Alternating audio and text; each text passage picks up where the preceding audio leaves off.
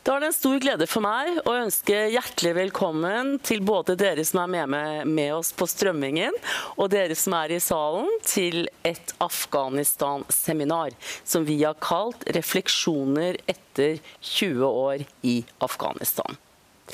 Jeg er veldig glad for at vi har klart å få med oss en forsker, en politiker og en soldat. For de har alle ulike vinkler til denne konflikten som vi har stått i i over 20 år. Forskeren er Christian Harpviken. Eh, han tilhører PRIHO, Fredsforskningsinstituttet, og vi kjenner han eh, godt fra media. Stortingsrepresentant, politikeren, er Espen Barth Eide, som dere også kjenner veldig Espen var eh, statssekretær både i UD og FD. Han har vært utenriksminister, og han har vært forsvarsminister i denne perioden hvor vi har vært uh, i Afghanistan.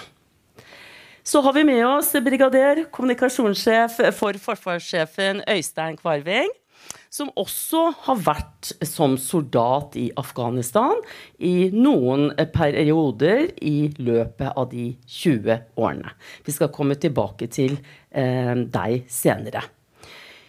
Jeg tenker vi skal begynne med deg, Kristian. Eh, kan du si litt om eh, hva gikk egentlig galt? Visste vi hvor vi dro? Når vi reiste til Afghanistan i 2002? Nei, jeg tror jo ikke det. Uh, og jeg tenker nok at uh, intervensjonen i 2001 i seg sjøl var uh, tynnere fundert enn det framsto på det tidspunktet. Folkerettslig så var jo dette helt greit. Det var det jo ingen tvil om. Og det var voldsom eh, oppslutning internasjonalt. Det er vel knappest en intervensjon i moderne historie som har hatt den breie legitimiteten som denne intervensjonen hadde. Men likevel, og da vil jeg nok referere også en del til norsk debatt, så er det mer normativt noen premisser som kanskje svikter. Og i militæretikken så er det jo å si at det skal være en rimelig sjanse for å lykkes før man skal ta i bruk militærmakten. Og jeg mente nok da, og jeg mener like fullt nå, at uh, den, det premisset det er det tvilsomt om vi egentlig oppfyller. Uh, I norsk debatt i norsk debatt så har jo et par motargumenter gjerne vært uh, ja, Hadde vi bare stått lengre? Hadde vi vært villige til å investere mer? Hadde vi forstått at skal man bygge opp denne typen stater, så må man ikke ha et fem eller ti eller 20 års perspektiv. Da må man tenke 30 og 50 år. Ja, det kan vi alltids argumentere. Men hvem var det i 2001 som kunne sagt at vi må ha et 50-årsperspektiv på dette, og være villig til å stå i det, og så forsvare at vi skulle gå inn? Det tror jeg ikke er noen. Et annet argument er jo at det var den sivile innsatsen som svikta. Og det er mye riktig i det. Det er klart Det vi har sett de siste dagene, er jo for så vidt at det er det politiske som har rakna. Når eh, de afghanske sikkerhetsstyrkene rakna, så var det først og fremst et politisk fenomen mer enn et militært fenomen. Sjøl om det sier noe om lojalitet og en del profesjonelle kvaliteter, så sier det veldig mye om det politiske systemet man hadde eh, bygd. Men igjen så er jo spørsmålet hvor realistisk var det å si i 2001 at nå skal vi gå inn tungt militært i Afghanistan og stå der i 20 år? Og så skal vi ha et tett, koordinært sivilt innsatssystem av et volum som tilsvarer det militære, og som jobber tett med det militære. De institusjonene fantes ikke. De ressursene fantes ikke. Det var helt urealistisk. Så på mange måter så mener jeg at det er mye postrasjonalisering i denne debatten. Og jeg tror faktisk at hvis vi ser på dette i et strengt militæretisk perspektiv, så er det vanskelig å si at dette var eh, klokt. Kanskje til og med vanskelig å si at det var forsvarlig. Så er det et annet uh, etisk spørsmål jeg har lyst til å ta opp. og Jeg beklager, jeg er veldig etikkinformert i dag, for jeg har akkurat vært på et seminar på PRIO ledet av uh, våre etikere, Henrik Syse og Kristoffer Lideen, om uh, der vi har diskutert etikken i USA-Taliban-avtalen fra 2018. Det ble ganske finurlig, så jeg skal ikke plage dere med det, men etikkinspirasjonen min kommer derfra. Um, Det er et spørsmål som er viktig for de aller fleste som har vært med i alliansen i eh, Afghanistan, også Norge. Og det er spørsmålet om hva slags ansvar man har når man går tungt inn i militær kapasitetsbygging i et land som Afghanistan. Og Grunnen til at jeg tar det opp, er jo at dette på mange måter nå har vokst fram til å bli en sentral komponent i det militære repertoaret som man aktiverer når man forsøker å få til noe i Afghanistan eh, svake stater rundt om i verden. Det være Mali, Mali, Irak, Syria, og vi kan lage listen veldig mye lengre.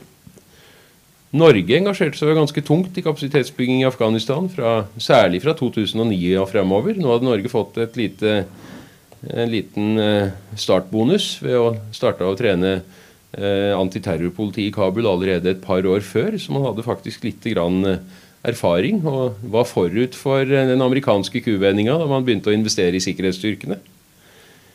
Men her er jo også en god del profesjonelle kvaliteter som man før forsøker å få, til, og som er nedfelt i, i uh, militæretikken. Evnen til å, til å, skille mellom stridende og ikke-stridende er jo relativt sentral. Hva utgjør militær nødvendighet? Og ikke minst proporsjonalitetsprinsippet. Vi vet alle hvor vanskelig dette er å håndtere i en aktuell stridende situasjon. Det er Grunnen til at jeg tar opp dette her, er jo at vi har fått ganske mange rapporter etter hvert om afghanske regjeringsstyrker som brukte vold i klar strid med grunnleggende profesjonsetiske prinsipper. Vi har også sett at det har vært eh, en målretta bruk av eh, en del av de mentorerte styrkene i, av forskjellige politiske fraksjoner innafor det regjeringsapparatet. Det regjeringsapparatet som nå er historie, men som satt med makta i Kabul inntil for eh, tre uker sia. Og vi har sett at det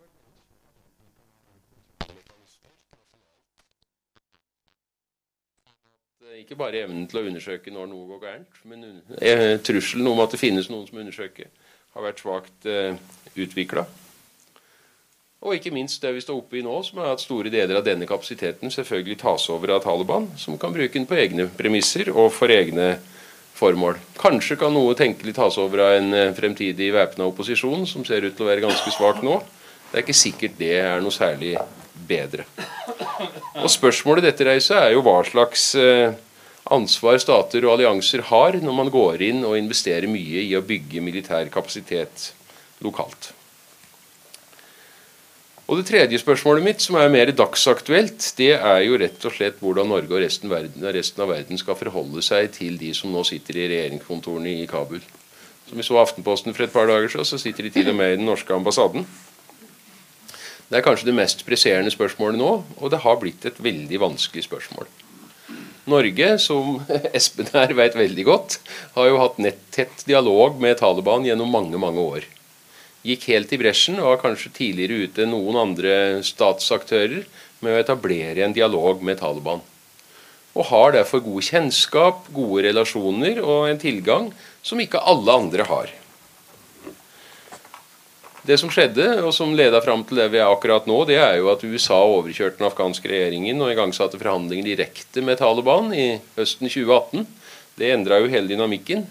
Og Det førte fram til det som en gang ble kalt en fredsavtale, men som vel nå alle omtaler som en uttrekningsavtale, som ble signert i Doha i februar 2020. Og så da, når Taliban begynte å nærme seg Kabul, så trakk alle vestlige diplomater seg ut. Litt sekvensielt, først til flyplassen for å ta hånd om evakueringa, men så ut. Dette var i strid med Taliban sine høylytte ønsker. De nærmest bønnfalt de vestlige diplomatene om å bli. Og på mange måter var jo det som skjedde, at diplomatene forsvant akkurat på det tidspunktet da Taliban skulle utforme sin politiske linje og sin fremtidige styringsstruktur. Så mye av det arbeidet som var nedlagt i Norges tilfelle gjennom 14 år med å bygge disse relasjonene, når det trengtes som mest, så klarte vi ikke å kapitalisere på det. Og så er jo problemet der vi er nå, at Taliban har utnevnt sin såkalte midlertidige regjering. Jeg er ikke så sikker på hvor mye vi skal hekte oss opp i den midlertidigheta, for det det var midlertidige posisjoner sist de hadde en regjering òg. Det er ikke en regjering som er så lett å ha med å gjøre. Mange av de som er i den regjeringa, står på internasjonale sanksjonslister. Det er definitivt en overvekt av det man i andre nasjonale sammenhenger ville kalt hauker i ledende posisjoner. Og det gjør det fryktelig komplisert for det internasjonale samfunnet. Og det internasjonale samfunnet har også ganske begrensa med insentiver å tilby eh, Taliban for å komme i dialog. Det viktigste er kanskje fremtidig bistand. Det handler om både humanitær bistand og utviklingsbistand potensielt. Men uh, utviklingsbistand vet vi kan det bli ganske komplisert å komme i gang med. Det handler om sanksjoner og om terrorlisting av folk i Taliban kanskje den delen av avtalen fra Doha som i minst grad har vært innfridd av amerikanerne. Det var eh, av de tingene som var avtalt, at USA skulle begynne å arbeide med delisting. Men der har man kommet veldig kort. Og Det er jo en av grunnene til at vi er oppe i det problemet vi er nå, hvor vi har en regjering med en haug med folk som man strengt tatt ikke kan gjøre business med. Og For Taliban så handler det også om internasjonal anerkjennelse. Uh, og fra, Mye av dette ligger ganske langt fram i tid. Samtidig er det gode grunner til å ha en dialog. Det er eh, enorme humanitære behov. En befolkning hvor halvparten ligger under en fattigdomsgrense som er så lav at de fleste av oss ikke er i stand til å forestille oss den. Det er eh, snakk om å ivareta statens kapasitet. Det har allerede vært en god del hjerneflukt selvfølgelig gjennom denne evakueringskorridoren. Men eh, alt er ikke tapt. Men jeg tror nok at hvis vi ser tre til seks måneder fram i tid, så er veldig mye tapt. Det er også snakk om å ha adgang til å bidra til beskyttelse av utsatte grupper og individer. Det er eh, vanskeligere å gjøre det hvis man ikke er eh, til stede og ikke aner hva som skjer. Det er snakk om å bevisstgjøre og ansvarliggjøre Taliban på menneskerettsforpliktelser. Det er tross alt, hvis de tar over den afghanske statsmakten, et regime som også er forplikta på internasjonale konvensjoner. Og til sjuende og sist det som var selve begrunnelsen for intervensjonen i første rekke, og som Joe Biden minner oss på stadig vekk, nemlig å forebygge og begrense Talibans samarbeid med internasjonale terrorgrupper. Men en dialog med Taliban krever nok flere ting. Det krever ikke minst politisk vilje. Og Jeg ser ikke helt hvem det er som nå vil stikke fram huet og ta til orde for å være den første som setter seg ned og snakker med mulla Hassan. Det krever også internasjonal koordinering. Det er komplisert. Og ikke minst så krever det en evne til å ha en slags troverdig monitorering av hvordan situasjonen i Afghanistan utvikler seg. Og nå som en stor del av Afghanistans journalister og sivilsamfunnsaktivister har reist, og de som er igjen holder huet veldig lavt fordi at de ikke vet hvordan dette skal utvikle seg, så er det selvfølgelig fryktelig krevende. Men det hjelper ikke på situasjonen at vi også stikker. Så dette syns jeg er kanskje det aller alvorligste spørsmålet akkurat vi er nå. Men jeg skal ikke late som det er lett. Det er veldig, veldig krevende. Takk for det, Kristian. Um, mange viktige spørsmål og synspunkter her som vi skal følge opp gjennom diskusjonen. Jeg må bare si, altså, Det er ikke lett i Afghanistan, det er ikke lett med lyd uh, på Fridtjof Nansen plass heller. Så alle må bruke håndholdte mikrofoner, selv om vi er uh, teipa opp med andre typer mikrofoner. Og de desinfiseres underveis. Det skal det også gjøres når dere får stille spørsmål senere. Sånn er virkeligheten. Espen, eh, visste vi hva vi gjorde, hvor vi dro. Det er noe med å huske hvorfor vi kom til Afghanistan. Det er altså 20 år siden 11.9. på lørdag. Det var en grunn til at vi reiste dit. Eh, du hadde en kronikk i DN for noen dager siden hvor du sier at det var kanskje to ting når du reflekterer over det. Du var da eh, statssekretær i UD når vi eh, valgte å engasjere oss i Afghanistan, men at det vi kanskje burde ha invitert Taliban til samtaler langt tidligere, allerede i 2002, hvor de var svake. Eh, og at Irak-krigen ødela veldig mye, tok veldig mye fokus vekk fra Afghanistan. Var det riktig å bruke militærmakt på den måten vi har gjort i Afghanistan så lenge? Det er jo det er vel dette seminarets tema, og det skal jeg prøve å komme til. Jeg har lyst til å nevne de to tingene. Bare liksom et lite preludium eh, min, min, egen personlige første eksponering mot konflikten i Afghanistan var i 1982. fordi altså, Verden begynte jo ikke i 2001, som mange tror i Vesten. Eh, men eh, det begynte lenge før. Da hadde Sovjetunionen okkupert allerede i tre år. Det var da tidlig i den sovjetiske fasen. Da var jeg ikke i Afghanistan, men jeg var på grensen. Og så besøkte vi var en gruppe ungdomspolitikere som var på tur i Pakistan. Og så møtte vi noen flyktninger i en flyktningeleir et sted mellom Peshawar og, og Landi Kotal, altså i, i, i, i denne eh, dalen der. Og der eh, var det en hyggelig familie som serverte te. Og den liksom eldre bestefar Jeg opplevde i hvert fall en veldig gammel mann da, med langt skjegg. og sånn, Det er mulig han ikke, kanskje ikke har tenkt noe, men han fremsto som veldig gammel. Som var, eh, som var, veldig entusiastisk motstander av den sovjetiske okkupasjonen. Han gikk inn i teltet sitt og henta en gammel britisk rifle og en sabel. og Så påsto han at dette hadde han kasta ut britene med. og Når han ble litt bedre til beins, så skulle han dra og pælme ut sovjeterne også. fordi bringer liksom sin tanke om modernitet på vårt samfunn. Den passer ikke. De vil sende jenter på skole og andre ugudelige ting, og det ville vi ikke ha noe av. Eh, og jeg har ofte tenkt på det at jeg tenker at noen av hans barnebarn og oldebarn kanskje har sikkert vært med og marsjert inn i Kabul den siste tida, så her er det lange tradisjoner. Eh, det er jo en del av historien som, som er mye eldre enn eh, 2001. Eh, det skal ikke overtolkes, men det er et lite bilde. Så til det du snakker om. Eh, 11.9. september, jeg ser Jakken sitter her. Vi snakket mye sammen den dagen og dagen etter. Han var jo da vår sendemann i, eh, til Nato. Eh, og, og, og, det første som skjedde etter at vi hadde liksom absorbert selve sjokket, var jo en kombinasjon av en følelse av dyp solidaritet med USA, som var såret. Og vi skjønte alvoret i at en supermakt er såret. Liksom. Det er mer enn vanlig land som er såret. Og en veldig dyp og uttalt bekymring for hva Bush ville finne på nå. Og ikke minst hva Rumsfeldt og Wolfowitz og eh, Dick Cheney ville finne på nå. Fordi eh, vi visste jo at det var en dyp splittelse. Dette visste vi jo. Disse hadde sittet noen få måneder. ikke sant? Eh, da hadde jo Bush hadde vunnet over Al Gore 5-4 i Floridas høyesterett eh, noen måneder tidligere og, og, blitt president, og kom da inn med denne neocon-agendaen. Så veldig mye av diskusjonen i Europa og Canada og i State Department i USA, eh, som var liksom samme klubb, var hvordan i all verden skal vi nå prøve å multilateralisere? Hvordan skal vi håndtere USA? Så vi var mye mer opptatt av Amerika enn av Afghanistan. Eh, eh altså det var først og fremst et USA-management-oppgave. Hvordan skal vi sørge for at dette ikke går fullstendig galt og Bush finner på mye gærent? Og så var det i månedene som kommer, bl.a. takket være Colin Powell og en del andre kloke mennesker, eh, den gang i hvert fall kloke mennesker, eh, da litt annet kom til Irak, men per nå altså Vi er da liksom, dagene og ukene og månedene etter 9-11. Eh, hvor vi opplevde at ja, USA fulgte et multilateralt spor. Vi erklærte artikkel 5 eh, på ettermiddagen den 12. Eh, september. Det var amerikanerne ikke veldig begeistret for. Det var ikke noe stor entusiasme fra Washington. Dette var en veldig europeisk idé.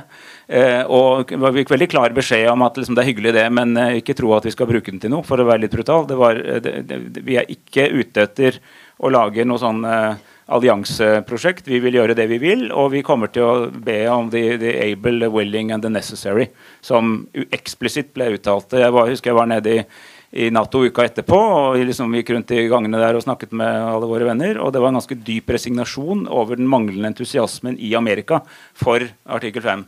Og så er det en myte som fortsatt er ute og går om at artikkel 5 er grunnen til at vi gikk inn i Afghanistan. Det er feil. Den eneste militære operasjonen som utløste artikkel 5, er den luftovervåkningen av USA som fulgte i måneden etterpå. Den eneste eh, noen gang Nato-operasjon, militæroperasjon, utløste artikkel 5.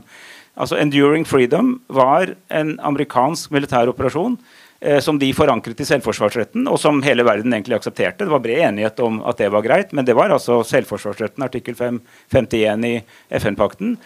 ISAF ble etablert av FN, og Nato kom først inn som Nato i 2003. Eh, så altså, in together, out together er rett og slett feil. Altså, det var ikke sånn det skjedde. Dette er, eh, dette er, historisk galt, men det har liksom blitt en del av mytefortellingen. Nato vokste inn i det litt etter hvert.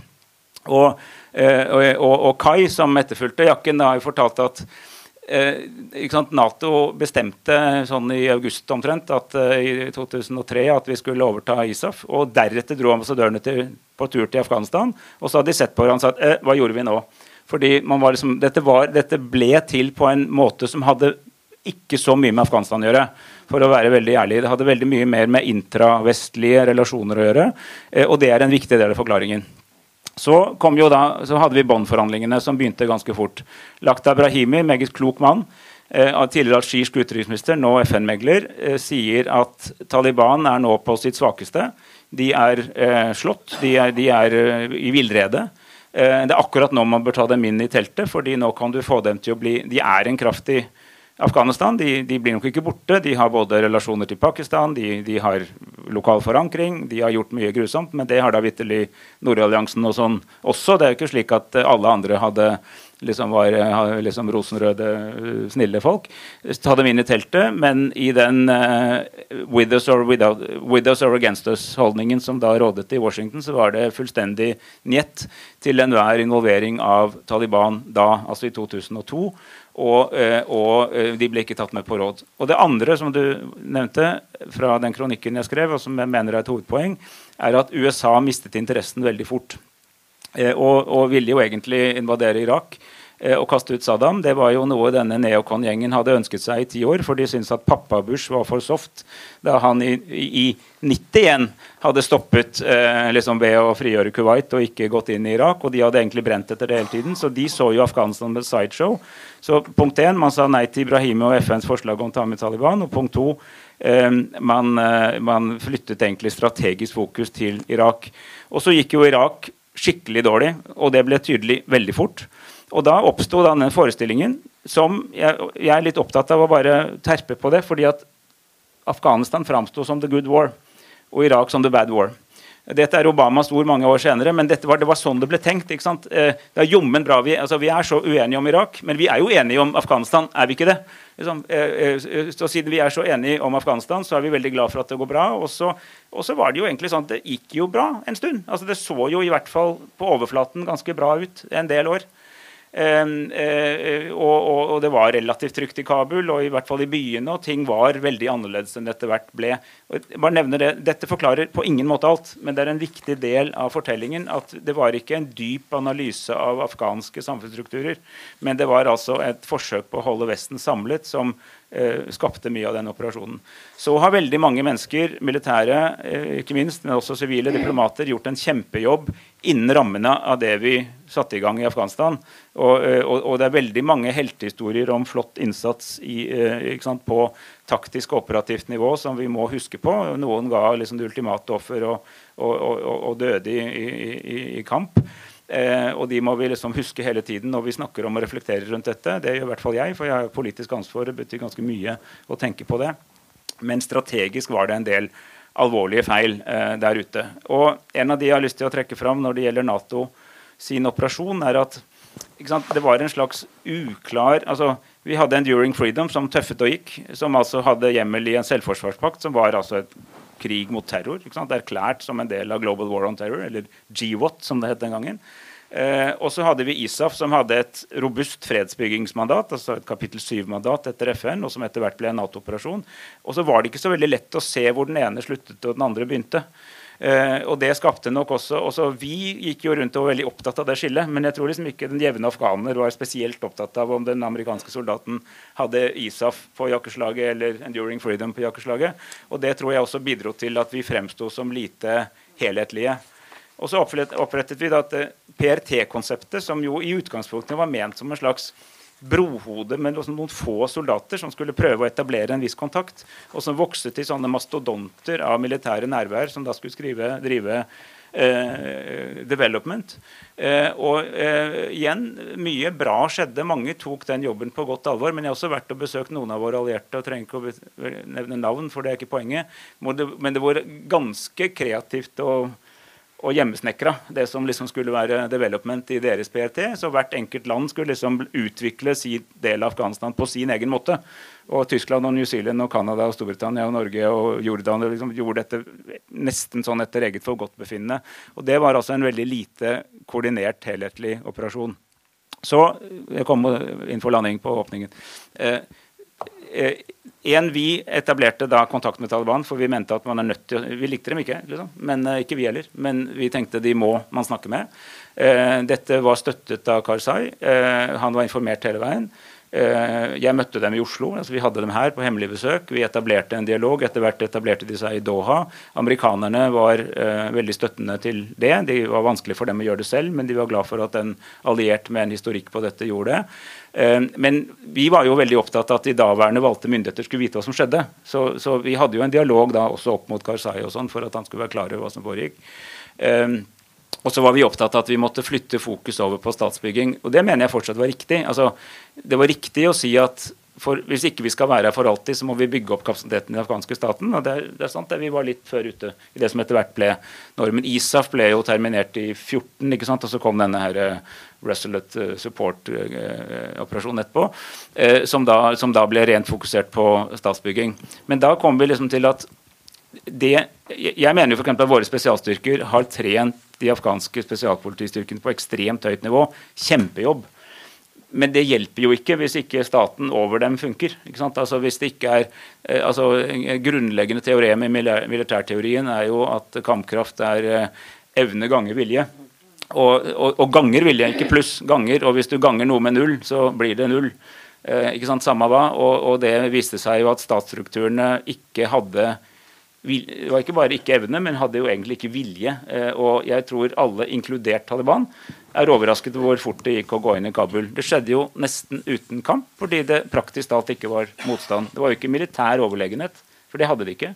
Men det var altså smartere eh, og bedre forståelse av hvordan Afghanistan så ut. Og det kan jo være fordi det var barnebarn og oldebarna til han gubben jeg møtte i eh, Peshawar i 2000, nei, 1982. Takk for det, Espen. Nei, jeg skal ikke forlate Espen riktig ennå. Fordi vi var innpå her, både Kristian Harpviken nevnte det, eh, og du, at vi har hatt lange samtaler med Taliban gjennom en lang periode. Betyr det at Norge har et spesielt ansvar nå for å bringe Taliban til et forhandlingsspor? For man skal leve i Afghanistan også med Taliban som eh, regjeringsmakt. Altså, Hva tenker jo, du som politiker om jo, det? Men Nå har altså Forventningstilpasningen har jo nå kommet til at uh, den nye normalen er å si at vi håper Taliban styrer på en ok måte. Altså, det er liksom der vi er. Uh, og at uh, sant, altså Folk som tidligere sa at you can never negotiate with terrorists, sier nå at vi håper transisjonen til Taliban-styret skjer på en ordnet måte. Så forventningene er jo senka. Og i den forstand så har jo vi i og for seg etablert en kred både der hos dem og internasjonalt for at vi er i stand til å ha den dialogen. Så det er, la oss si sånn, det er et godt spørsmål eh, som norske myndigheter bør gi noen gode svar på etter hvert. Ok, Vi har et valg på mandag. Vi får se hvem som sitter med makten når dette skal avgjøres.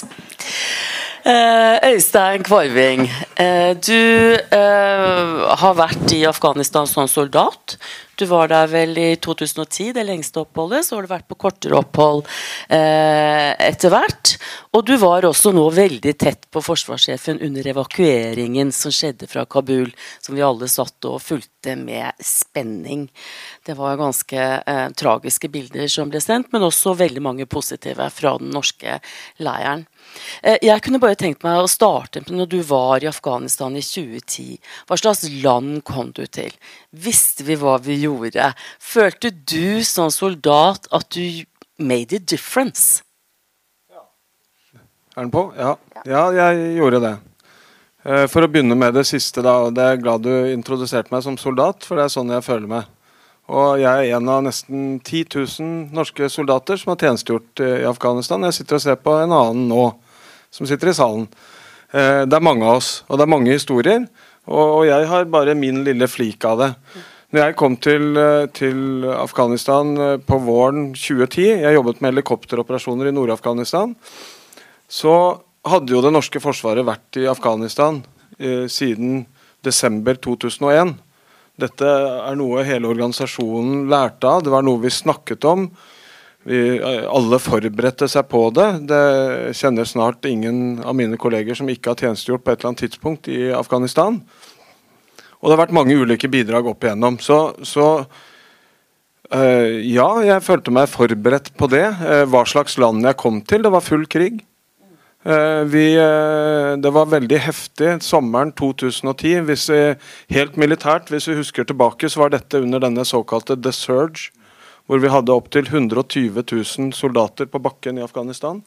Oppe i nord, der hvor jeg var, fikk vi tilført eh, jeg husker ikke hvor mange det var, 20 000 fra Tenth Mountain Division, den amerikanske hæren. Det jeg styrte med, var en, en, 64 amerikanske helikoptre, 18 kamphelikoptre. Eh, interessant å plukke opp den tråden fra Espen om skillet mellom Operation Enduring Freedom og ISAF. Altså vi hadde, Det var de samme helikoptrene og de samme folka, Men vi hadde alltid seks Apache kamphelikoptre dedikert til det vi kalte OEF, som ikke var det ISAF drev med, men som var terroristjakt, eh, gjerne på natten. Så, det, så det, det, er klart at ikke den jevne afghaner skiller mellom disse tingene. Det er jo de samme folka. Så det, så det, det er noe så. Det er mitt, mitt perspektiv på det. Og så er, det, eh, så er jeg veldig glad for denne Jeg syns det er veldig bra sammensetning i, i panelet. Nå hørtes det ut som jeg skrøt av meg selv, og det var ikke meningen. Men jeg er veldig glad for at dere blander, blander, eh, blander eh, akademia og politikere og eh, oss soldater. Det syns jeg er veldig bra. For vi gjør jo bare det Stortinget og regjeringen bestemmer. Eller eventuelt er så uenige at vi sier takk for oss og henger fra oss uniformen og slutter. Det er perspektivet vårt. Det høres kanskje litt sånn rart ut, men det er nå engang sånn. Akkurat som de afghanske styrkene la ned våpnene og demobiliserte og gikk hjem når regjeringen raknet. Det er mange som har spurt oss om det. Hva er det som raknet sikkerhetsstyrkene? Nei, de gjorde ikke det.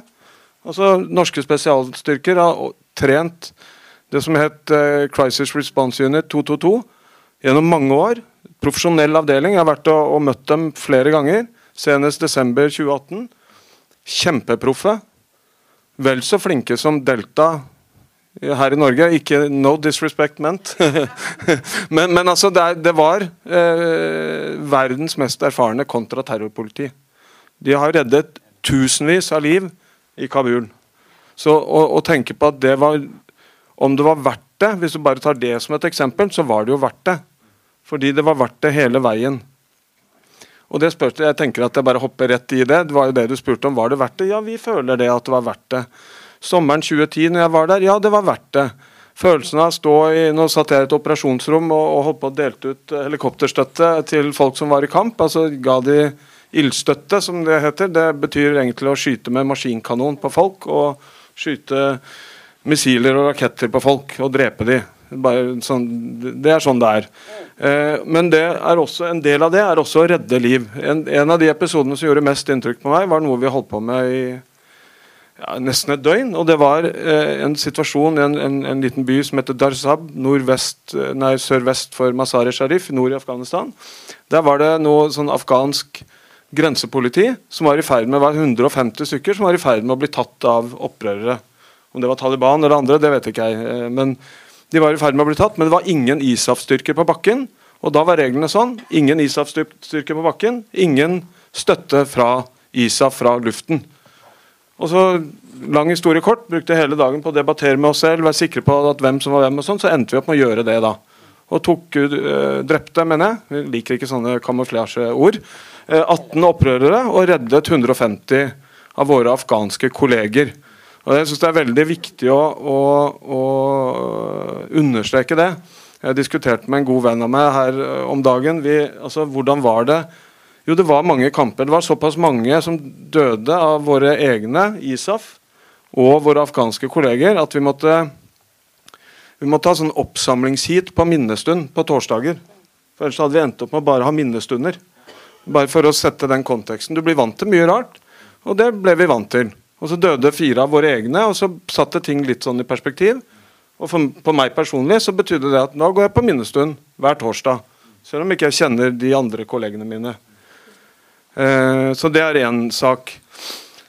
Eh, bruk av militærmakt skal jo liksom alltid være siste utvei, da.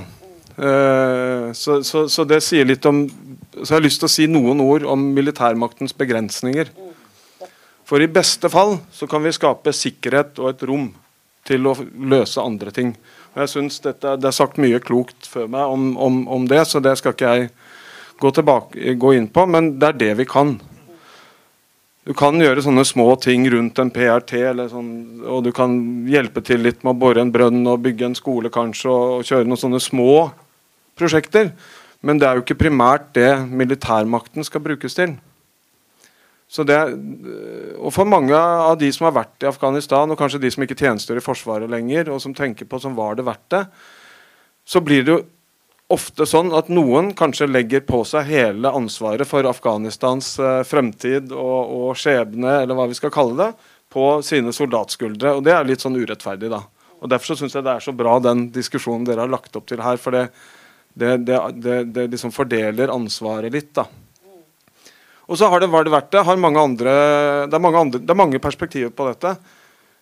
Selv om jeg personlig syns det er skikkelig kjipt, det som har skjedd den siste tiden. Jeg er ikke noe glad for at Taliban sitter med en midlertidig regjeringsmakt med en, eh, et regjeringsmedlem som toppet listen over verdens mest ettersøkte i, i, på terrorlisten til USA. Men så er ikke Afghanistan anno 2021 er ikke det samme som Afghanistan anno 2001. Det har faktisk skjedd en del framskritt. Det er klart Noen av de kommer til å bli revet ned. Eh, alle er urolig for kvinners rettigheter, barn, sharia-lovgivning, alt det der. Det skjønner jeg veldig godt. Og så er det også bygd masse infrastruktur. Jeg spiste middag med en, med en, venn, en, god venn i går som også har vært i Afghanistan. Som sa jeg, jeg har sånn fly, foto fra luften over Mazar-e-Sharif i Nord-Afghanistan. Ett fra 2007 og ett fra 2012. Det er helt ulikt. For det er veier, det er bygninger, det er masse sånn infrastruktur. da. Så utgangspunktet er nok et annet. Og så er det jo å håpe, da. Så skal jeg også snart uh, lande, som det heter. så, så, er det å håpe at verdenssamfunnet Dette blir litt sånn personlig fra meg, da. Det er ikke, kanskje ikke Forsvaret, men, men, uh, men at verdenssamfunnet setter så mye press på Taliban at det faktisk ikke går helt tilbake så ille som det har vært som det var når vi gikk inn. Jeg har lyst til å si en siste ting som jeg kom på på tampen. Eh, jeg er veldig enig med dette at uh, har vi løst oppdraget? Jeg tror det er to oppdrag vi har egentlig drevet med. Det første oppdraget var å, eh, å, å, å fjerne Al Qaida fra Afghanistan. Og sørge for at Afghanistan ikke var et arnested for internasjonale terrorister. Det oppdraget det var kanskje ikke så lett, og det tok mange år før de tok Osama bin Laden, men det gikk ikke mange år før det gikk ikke lang tid før Afghanistan ikke var noe arnested for terrorister. Så kom dette andre oppdraget, som var litt mer ullent, som eh, Espen redegjorde veldig godt for. Det noe, ble noe helt annet. Så det er litt sånn to, to forskjellige ting. Ja. Tusen takk for det, Øystein. Veldig viktige poenger her, som jeg skal plukke noen av de. Jeg tenker Det siste du sa, eh, hovedmålet var å bekjempe Al Qaida. Jeg så igjen i Dagens Næringsliv, det ble mye reklame for den avisen i dag. Anders Romarheim, også terrorekspert fra Institutt for forsvarsstudiet, skriver i dag at nei, det var ikke sånn at Taliban vant eh, krigen mot terror. For Taliban det var ikke de som sto bak 11.9. Det var Al Qaida. De er sterkt svekket. Lederskapet er i stor grad utradert. Uh, og de er på mange måter utkonkurrert når det gjelder å trekke til seg unge jihadister av IS. Og de har vi bekjempet i Irak. Uh, han er ikke her i dag, men jeg kunne tenkt meg å spørre forskeren. altså Er det sånn at uh, krigen mot terror på mange måter har rykket ned på listen over de farlige internasjonale sikkerhetsspørsmålene? Eller, og har vi på mange måter vunnet mot Al Qaida? Eller kan vi forvente oss eh, en oppblomstring i global jihadisme, som Robert Mood bl.a. tar til orde for? Ja, nei, Nå skal jeg jo ikke angripe Anders i og med at han ikke er her, men jeg kan jo iallfall eh, gå til felttog mot uh, din versjon av det han har skrevet, for den er jeg jo dundrende uenig i. Eh, og det er flere grunner til det. Jeg syns nok at veldig mye av samtalen vår om dette lyktes man med å bekjempe Lyktes man med intervensjonen i Afghanistan i et krig mot terrorperspektiv, preges av retoriske øvelser. Spørsmålet, sånn som du refererte nå, er bekjempet vi Al Qaida i Afghanistan? Ja, selvfølgelig gjorde vi det. Men var det det som var målsettingen? Målsettingen var å gjøre verden til et tryggere sted mot terrortrusselen. Og det er den faktisk ikke i dag. Al Qaida ja, det er en svakere organisasjon på mange måter. Det betyr ikke nødvendigvis at den er mindre farlig. Eh, vi har fått eh, etableringen av IS. Ja, man har begrensa IS i Syria og Irak veldig kraftig, selvfølgelig, fra den tiden de hadde et kalifat. Men volumet på antall mennesker i verden i dag som er inspirert av denne ideologien, og volumet på antall mennesker som faktisk er villige til å handle på grunnlag av den ideologien, er jo Jeg skal ikke bruke tall her, men i hvert fall flere ganger det det var i 2001. Og det er jo det som er viktig for hva slags trussel vi står overfor framover. Og så er det jo helt riktig som du sier, Ket, innledningsvis, at det er jo ikke dette som står øverst på den globale sikkerhetsagendaen lenger. Det er andre spørsmål som må tvinge seg fram. Men dette er faktisk fortsatt en trussel som kommer til å være med oss. Og jeg, sjøl om vi har klart å begrense terrorangrep i Vesten, så tror jeg at globalt sett så er dette en mye større trussel i dag enn det var i 2001. For å følge opp, hvor stor støtte har Taliban blant Afghanistans befolkning. Hvis du drar ut på landsbygda i Afghanistan, så er det et relativt konservativt eh, muslimsk eh, land. Eh, har vi noe tall? Har vi noen forståelse av hvor stor oppslutning Taliban har? Nei, Det blir veldig spekulativt. Det er vanskelig å gjennomføre meningsundersøkelser i et land i krig, og det er vel vanskelig å få ærlige svar òg, om du skulle klare det. Jeg tror ikke, oppslutningen om regjeringsstrukturen var så veldig stor. Jeg tror ikke oppslutningen om, om, Taliban er så stor heller, hvis du spør om entusiastisk støtte til. Men i en situasjon der du er nødt for å overleve, så er det jo litt sånn at uh, iallfall fall når det strammer seg til, så må du velge enten det ene eller det andre. Og da har det jo vist seg at det er ganske mange som velger Taliban. Det kan være stikk i strid med egne politiske preferanser, men det er rett og slett der du kan søke beskyttelse. Og det har jo vist seg nå. ikke sant? Vi snakker jo fortsatt om dette som de som har inntatt Taliban, er de samme som har Taliban for en måned siden. Det er jo ikke det. Taliban er jo i dag en mye større bevegelse. Masse folk som har sirkla til Taliban. Helt opplagt, inklusive mange av de folka vi har trent. Det er jo en overlevelsesstrategi, det. Så vi snakker om et helt annet dyr. For å plukke opp eh, det du sa nå, de vi har trent. Det var vel også kanskje militært vanskelig å bekjempe en fiende som er soldat om dagen og antageligvis eh, Eller soldat om natten og antageligvis bonde om dagen. Mange av de var vel de du møtte, Øystein. Altså Det var liksom glidende overganger mellom det å være soldat og ikke. Jeg tror ikke det finnes ett svar på det heller. Og, og, jeg kan egentlig bare snakke for de jeg har uh, møtt selv. Og det de jeg har mest kjennskap til, er disse, dette kontraterrorpolitiet i, i, i Kabul. Uh, jeg tror nok den historien, det, det Marinejegerkommandoen og Forsvarets spesialkommando har fått til med den lille avdelingen, å bygge sten på sten over veldig mange år De startet i 2007 og avsluttet 14 år senere så det, det er eh, jeg tror ikke det, jeg er ikke bekymret for at eh, de nå står og slåss på, på Taliban sin side. akkurat. Eh, mange av de har jo til og med blitt evakuert til Norge mm. fordi det er fare for sikkerheten deres. Når det gjelder andre typer styrker som andre land har trent opp, det vet jeg ikke noe om. Vi hadde jo gjennom tre år veiledning og mentorering av, av den afghanske hæren i, i Nord-Afghanistan.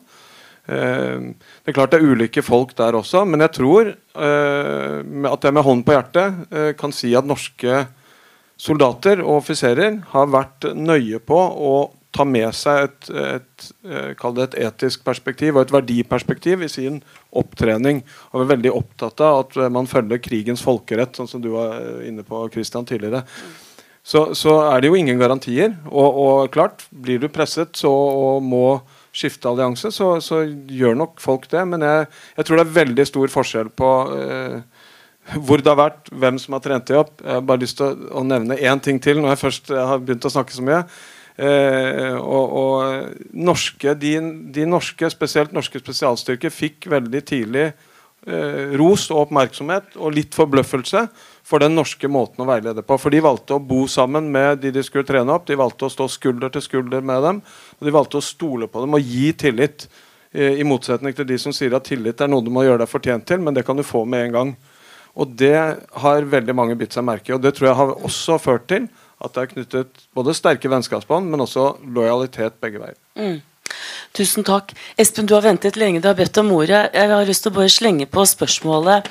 I Danmark har man nå tatt nedsatt en komité, skal få en evaluering av det danske oppdraget i Afghanistan. Vi fikk vår under ledelse av Bjørn Tore Godal i 2016. Trenger vi en ny evaluering av oppdraget i lys av hva som har skjedd i de fem årene som er gått siden den rapporten kom i 2016?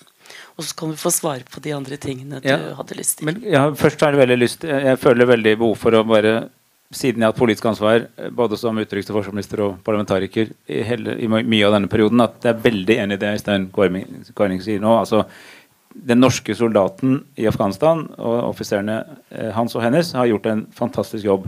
Eh, og, og, og jeg har hørt mange sånne historier. Bare en bare sånn anekdote fra jeg tror i hvert fra Gormach.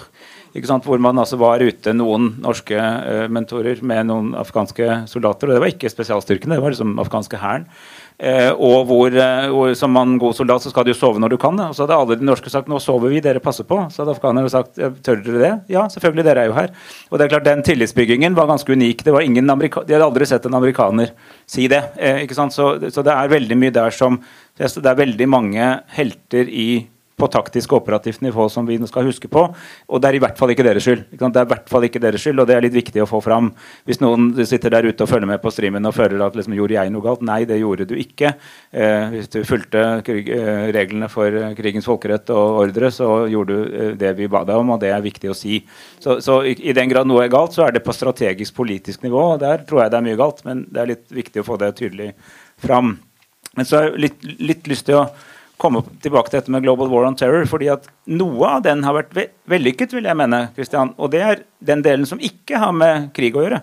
Det er altså det uendelig mye bedre samarbeid mellom overvåknings- og sikkerhetstjenester og etterretningstjenester i alle land som funker. altså Både vestlige land pluss, pluss, pluss. Som faktisk deler informasjon, som analyserer riktig, og som gjør at det er kjempevanskelig å organisere et kollektivt angrep i et vestlig land nå. Eh, altså Det de er redd for, er sånn lone wolves, for de snakker ikke telefonen og gjør ikke noe. Men hvis du bruker internett, snakker telefonen eller på noen måte har kontakt, så blir du stort sett tatt.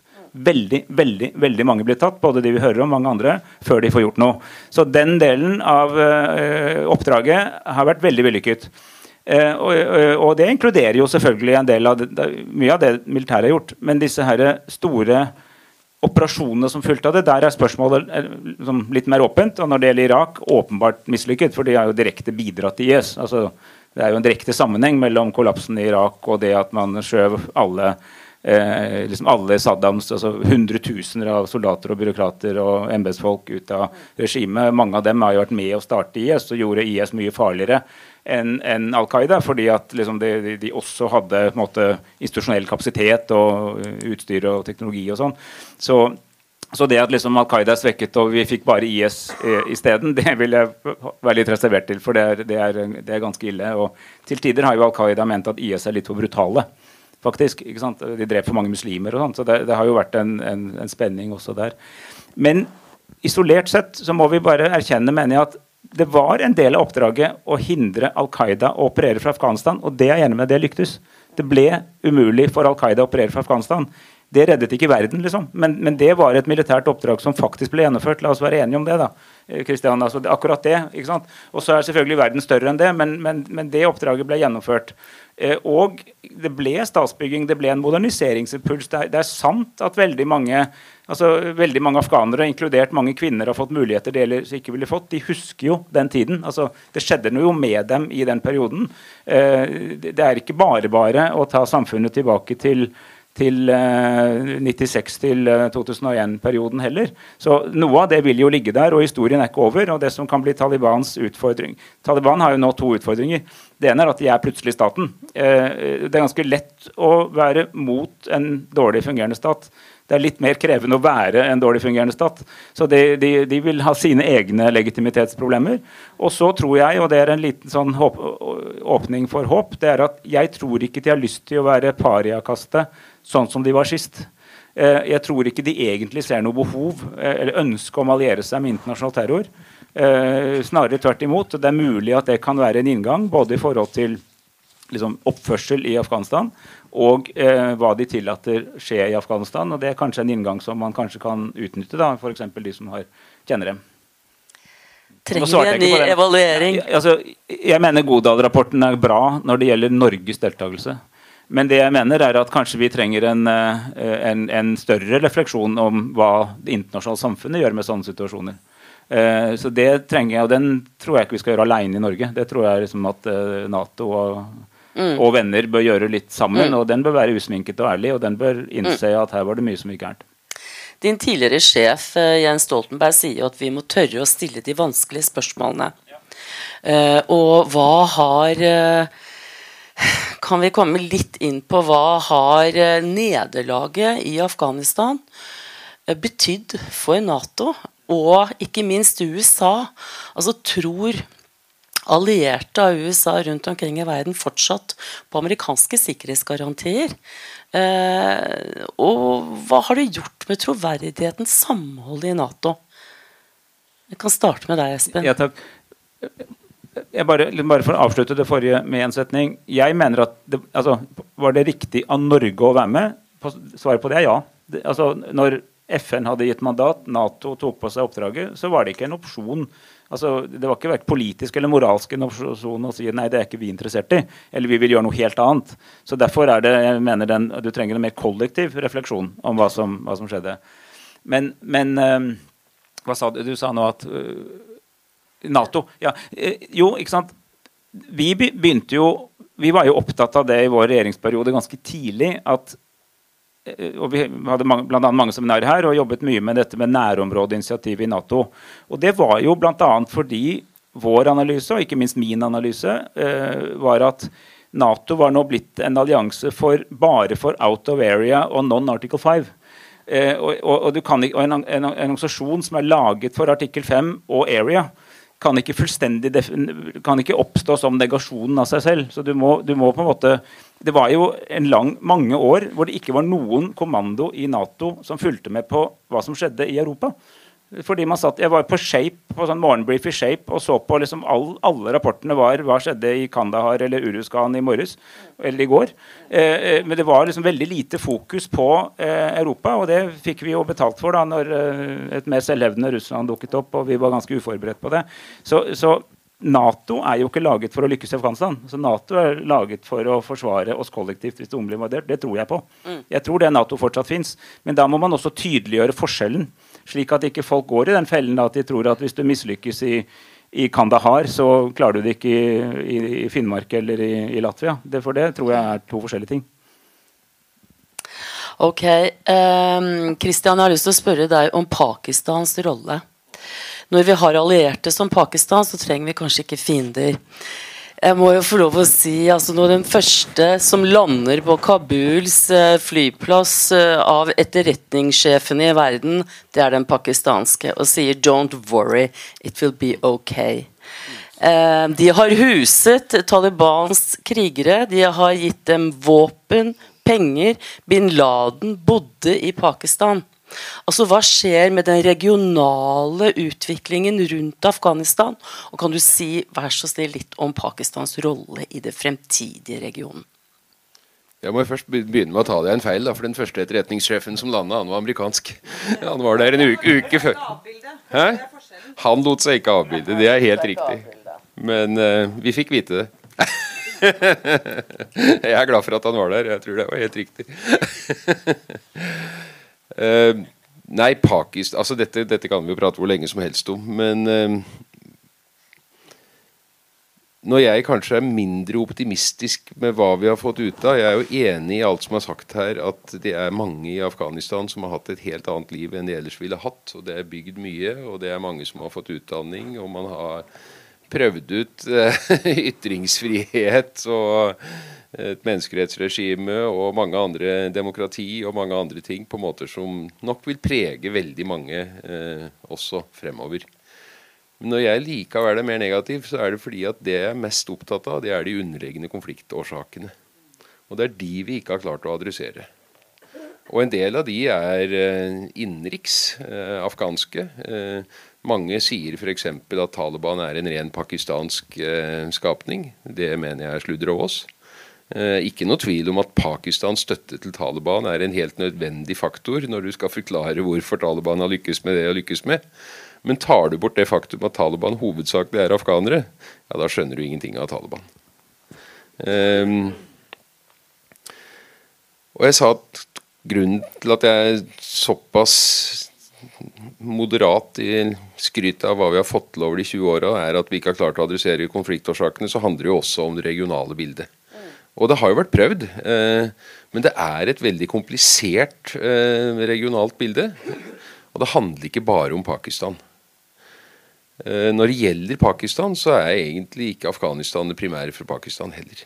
Pakistan sitter fast i et sørasiatisk konfliktkompleks, i en eksistensiell konflikt med India, et land som er innbyggermessig åtte ganger så stort, som har en økonomi som er ti ganger så stor, som er i vekst, i motsetning til Pakistan, som selv er i tilbakegang. De er begge to atommakter. Eh, dette er jo faktisk en av verdens aller farligste situasjoner. Forholdet mellom Pakistan og India. Det vet pakistanerne og indere sjøl òg at det er. Og på mange måter så har jo Afghanistan de siste 20 åra utvikla seg til å bli det stedet der det krigen mellom de to utkjempes. Før 2001 så var ikke India en viktig faktor i, eh, i eh, Afghanistan i hele tatt. I 2006 var det vel, så tok amerikanere en beslutning om å undertegne en atomavtale med India, der de implisitt, gjennom å godkjenne Indias eh, sivile bruk av atomenergi, også gir en aksept at de som ikke er medlem av, av ikkespredningsavtalen, eh, har atomvåpen. Pakistan fikk ikke tilbud om det samme. Den samme Burns som var i Kabul for et par uker siden, har skrevet en uh, interessant bok om sine diplomatiske erfaringer.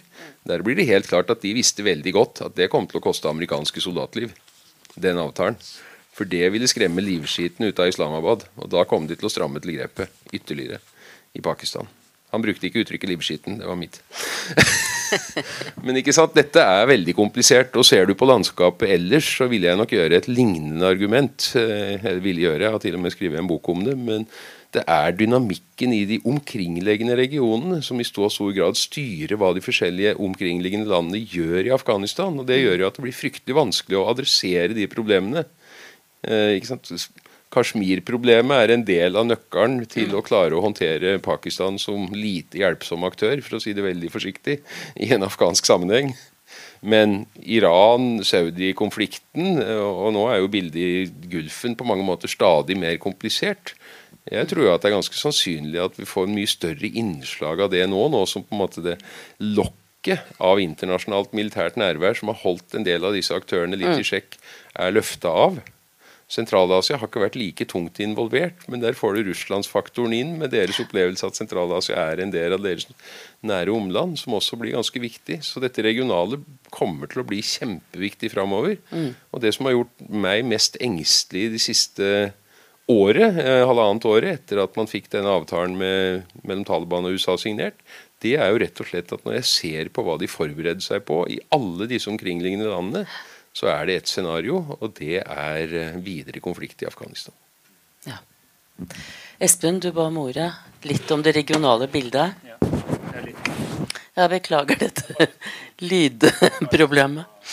Jeg, hadde bare lyst til å bringe inn Iran eh, i dette, fordi det er jo en del av det regionale bildet. Og, og jeg har tenkt litt nå, Det blir litt sånn déjà vu da, ikke sant? Når, når man tenker på 20 år tilbake. og sånn. For 21 år siden Altså I 2000 så hadde vi, var, da var det en liten sånn tøvær i Iran, og vi prøvde å ha litt uh, mer kontakt. og sånn. Og da var det min, min daværende motpart, som da var viseutenriksminister i Iran, var i Oslo. Og En av de temaene han tok opp, var bekymringen for Taliban. Jeg husker veldig godt Han sa at jeg skjønner ikke at dere lar dem holde på. Dette altså ett år før. altså det, det, kommer til å skje noe veldig alvorlig hvis ikke dere tar dette mer alvorlig. Vi er kjempebekymret.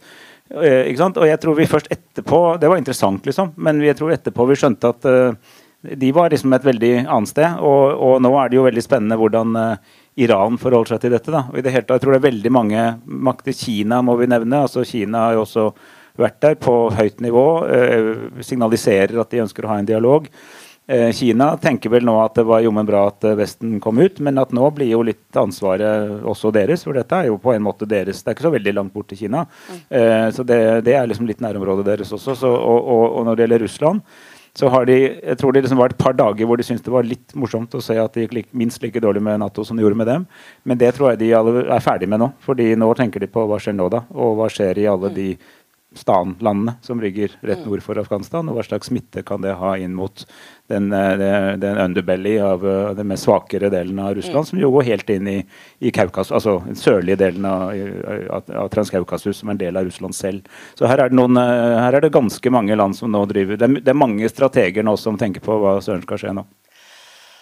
Det er et urovekkende og ustabilt uh, bilde dere tegner av regionen. Men jeg vil litt tilbake til deg igjen, Øystein. Du sa at uh, 10 000 norske soldater uh, har vært i Afghanistan. Du har fått støtte av politikeren her om at dere gjorde en fantastisk bra innsats. En god jobb. Det er ikke deres feil. Den feilen ligger på politisk-strategisk nivå.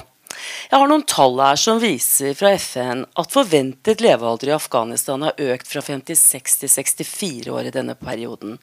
Barnedødeligheten er mer enn halvert. Antallet som kan lese og skrive har økt betraktelig. 89 av innbyggerne i afghanske byer har tilgang til rent vann, mot 16% før 2001. Og det inngås også 17% færre barneekteskap, og nærmere dobbelt så mange jenter begynte på skolen som før krigen. Jeg syns dere kan være stolte, selv om militærmakten kanskje ikke er ment å skulle drive utviklingsarbeid. Men hva tenker du eh, på disse medsoldatene? Hva slags, altså, hva slags Afghanistan er det vi etterlater nå? Hvordan eh, Selvsagt som uh, offiser og soldat så er ikke det, det er ikke du som skal løse opp i dette. Men uh, hva, hva, vi kan liksom ikke glemme Afghanistan og Afghanistans befolkning. Nei, overhodet ikke. Og det er, det, er, eh, det er, mange forskjellige opplevelser. Og det er mange som har vært veldig tett på uh, afghanske kolleger, vært veldig tett på ute i, ute, i, samfunnet. Helt tilbake til til 2002, 2003, 2004 så kjørte man rundt i åpne biler og gikk rundt i gatene og snakket med folk. og sånt. Mm. Helt annerledes enn når jeg var der i 2010, hvor det var liksom forbud mot å gå ut alene og du måtte ta på deg all verdens utstyr. Og jeg, synes, eh, jeg skal ikke fortsette med det, men det er, ikke, det er ikke sikkert alltid det er det lureste å gjøre. Eh, jeg tror veldig mange føler med eh, det Afghanistan de kjente nå jeg tenker at det er mange som, eh, som uroer seg for uh, framtida, eller utviklingen i Afghanistan. Og så er det nok sånn at altså jeg, jeg, er yrkesoffiser og det profesjonell soldat, og, og, dette er jobben min. Og så er det veldig mange av de som har vært i Afghanistan og tjenestegjort uh, for Norge, som ikke har det som fast jobb, men som har vært inne en liten periode. Kanskje om de har vært soldater to-tre år og så sluttet igjen senere, eller bare vært rett og slett vært i Afghanistan eh, et halvt år, og så går de tilbake til, til sine jobber. Jeg tror det er, det er nok eh, det er lettere for meg å gå på jobben og gå og snakke med Eirik Kristoffersen om eh, Afghanistan og liksom slå av en prat om det. Så, så har vi et fellesskap, uh, uh, og det er mange sånne kolleger hvor enn jeg snur meg liksom, i, i, bygget. Sånn er det nok ikke for alle. Og det er nok mange som, som, som tenker at det hadde vært ålreit å prate litt mer om sine opplevelser og sånt. Uh, uten å problematisere det for mye. Men jeg tror at uh, tror, så skal jeg være forsiktig med å snakke på vegne av 10 000 soldater, men, men jeg tror de aller fleste, selv om jeg beskriver et sol, litt, litt, sånn iskaldt beskrev soldatyrket i stad og sier at vi gjør den jobben vi blir satt til, så selvfølgelig så har vi alle følelser og har, bryr oss om det vi holder på med, eh, også selv om vi er profesjonelle. Men tenker eh, Forsvaret nå at eh, man kanskje bør eh, rette litt mer oppmerksomhet mot veteranene? At her trenger vi en ekstra innsats nå, fordi vi jo Det er jo et nederlag på mange måter. Jeg skal være forsiktig med å si at det er et nederlag. Vi får bare se hvordan dette går. Men, men, men, at det ikke har gått sånn som vi håpet, det er helt sikkert. Og det er mange som tenker den tanken at det, ja, har de vært med på et nederlag nå? ikke sant? Hva var det verdt det? Hva var vitsen? og alt det der. Jeg tenker at Forsvaret og veldig mange sånne veteranorganisasjoner og andre som, som Atlanterhavskomiteen også, Kate, som tar, setter Afghanistan på dagsorden, sånn helt overordnet. At ikke Afghanistan blir glemt av kan begynne med verdenssamfunnet, det er jo kjempeviktig, men heller ikke her i Norge. Det i seg selv er viktig. Det er god ivaretakelse. Jeg har snakket med veteraner som, er, eh, som jeg kjenner godt, som har fått posttraumatisk stressyndrom fra andre konflikter. En av de tingene er Ingen snakker om det jeg var med på. Det er helt glemt. Det er som ingen som bryr seg. Det er ganske sånn, så det må vi ikke slutte med. Og så tror jeg at, eh, at det, den satsingen som har vært på, på, veteraner generelt i Forsvaret de siste kanskje ti årene, i hvert fall, eh, har, har, jo gjort at det er et helt annet eh, nettverk vil jeg si da, av mennesker som kan snakke med eh, veteraner. Mm. og der vi har en bare så det er sagt også, vi har en veterantjeneste i Forsvaret med en åpen dør inn. Det er bare å ringe hvis det er mm. noen som sitter og ser på nå og tenker jeg har lyst til å snakke med noen. Ring til Forsvarets veterantjeneste. Kjempeviktig. Espen? Innmari lyst til å understreke det Øystein sier der. Det, vi var vi, vi, var i vår tid i Forsvarsdepartementet veldig veldig opptatt av å bygge veteran, altså sterkere veteranpolitikk. og Det har blitt fulgt opp seinere, altså den nåværende regjeringen. Og Forsvaret har gjort en veldig god jobb, eh, slik at folk som kommer hjem fra utenlandstjeneste, behandles helt annerledes enn det en gang var. Jeg sier ikke at det er bra nok, for det er det aldri, egentlig. Men det er mye bedre enn det var. Eh, og det er både militære og sivile bidratt til. Men jeg tror du har rett i, jeg tror det er bra vi sier dette. Det blir ekstra viktig. Fordi nå er det en dimensjon til. Mm. Hvis du ser på altså Et av de store traumene i Amerika er jo Vietnam-veteranene. Eh, fordi de både liksom har sin personlige eh, tragedie, Nettopp. men opplever jo også at de kom hjem hvor liksom alle andre unge mennesker syntes det var helt forferdelig at de hadde vært i Vietnam. Det, eh, og det har jo skapt en hel klasse av folk som har det veldig veldig ille. Mm. Og, og, fortsatt har det, og liksom er blitt preget av det resten av livet. Sånn er det ikke her. Fordi det er jo ikke, vi har, men, men jeg, bare, jeg, jeg, mener ikke at det er risiko for et Vietnam-syndrom. Men jeg mener at vi skal lære av at uh, dette nå, den store dimensjonen, mm. i tillegg til den personlige, blir veldig viktig. Mm. Og det jeg har lært av å snakke med veldig mange av disse som er opptatt, engasjerte veteranorganisasjonene, er kameratstøtte. Altså det, er, det, er, vel og bra med forsvarsledelse og psykologer i, i, og sånn, men det er også kameratstøtte. Ha et mm. miljø. Noen som orker å høre på historien, har noe selv mm. å fortelle og som skjønner hva som blir sagt. Mm. Fordi det tror veldig mange har opplevd at du kommer hjem, og så er du veldig interessant en liten stund, og så er folk lei av de historiene, for da mm. er folk i sitt hverdagsliv. ikke sant? Så det, det er en veldig viktig del av vår langsiktige oppfølging, som jeg er ganske trygg på at forsvarsledelsen også tar på stort alvor. Mm. Har forskeren også et ansvar her? Til å bidra til at de som faktisk har utført en tjeneste på vegne av det offisielle Norge, blir behandlet på en respektfull måte. Ja, definitivt. Definitivt. Og det er jo det er jo noe jeg er bevisst på. Jeg veit jo godt at jeg sier ting om Norges engasjement i Afghanistan som enkelte kan oppleve som sårende. Eh, og jeg forsøker å balansere det. Ehm, jeg ser jo nå at vi går inn i et ganske nytt debattklima i Norge. I går så, går så var jeg vertskap sammen med tre, tre, andre organisasjoner på vegne av PRIO for et seminar på Litteraturhuset, med, der alle partiene representert på Stortinget var til stede. Og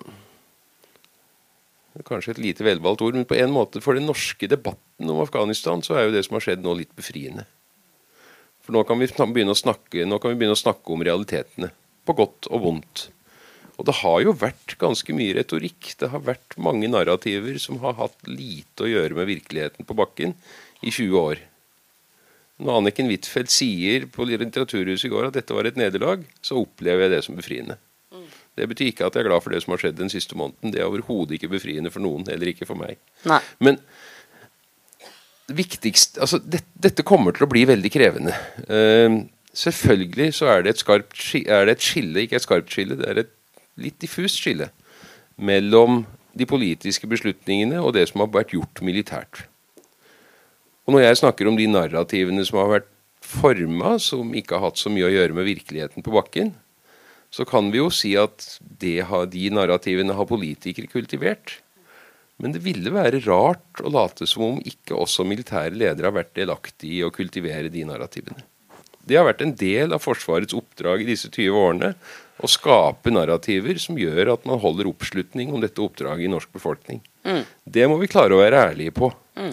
Og så må vi klare å være ærlige på det uten at det oppleves som en anklage av den enkelte soldat som har lagt igjen veldig mye av seg sjøl mm. i dette, og som selvfølgelig tar tungt inn over seg det som skjer akkurat nå. Og det er en utrolig tøff balansegang. Ja. Men vi må klare den, for vi skal ikke la hensynet soldat til soldaten medføre at vi får en uærlig debatt om de store linjene vi har vært med på.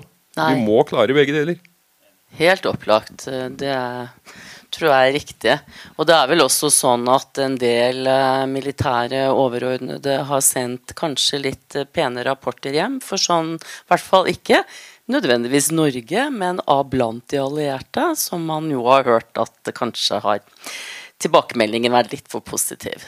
Uh, sånn er det jo ja, to, i mange etater. To ting på hjertet fra meg. Uh, jeg håper ikke vi har sminket noe som helst. Uh, forsvaret var veldig tydelig når vi i 2008 eller 2009 ga ut bilder til Dagbladet tror jeg, av folk som var i ildstrid, sånn at hele den norske befolkningen faktisk fikk se hva vi var med på. Sånn at jeg følte ikke den klistra så mye på meg. Christian. Og så er det en annen ting som jeg syns er veldig viktig, og det er veldig godt poeng. Det, eller det, det er veldig viktig det Christian sa. Jeg, vi må ikke la hensynet til eh, soldater og, og, veteraner komme misforstått foran en åpen og ærlig debatt. For jeg, jeg har bodd i USA en del år. Jeg hørte noe, eh, hørte noe fornuftig på radioen der en gang. Det, og det, det, var, det handlet nettopp om det, dette med å støtte soldatene. For de er jo litt voldsomme i dette 'support your troops'.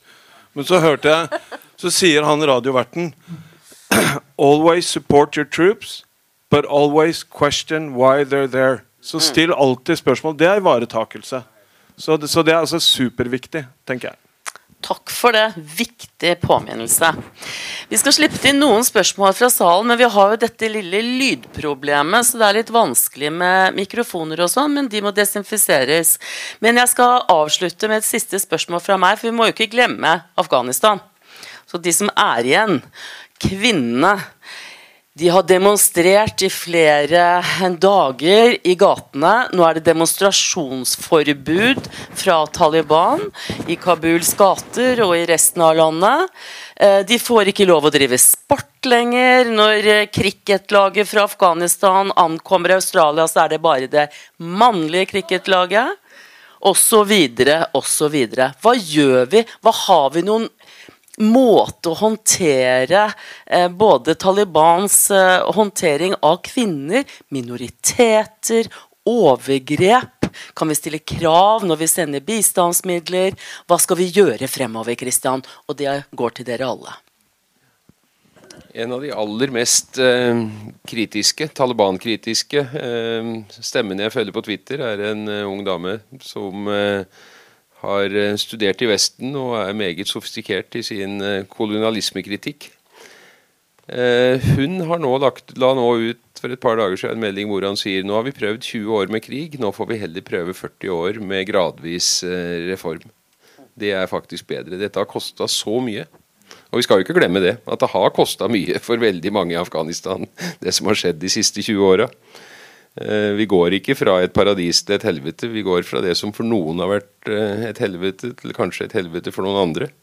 Men eh, det har vært ganske tøffe tak for veldig mange i Afghanistan også gjennom de siste 20 åra. Og det har jo vært faktisk verdens dødeligste konflikt i flere år nå. Mm.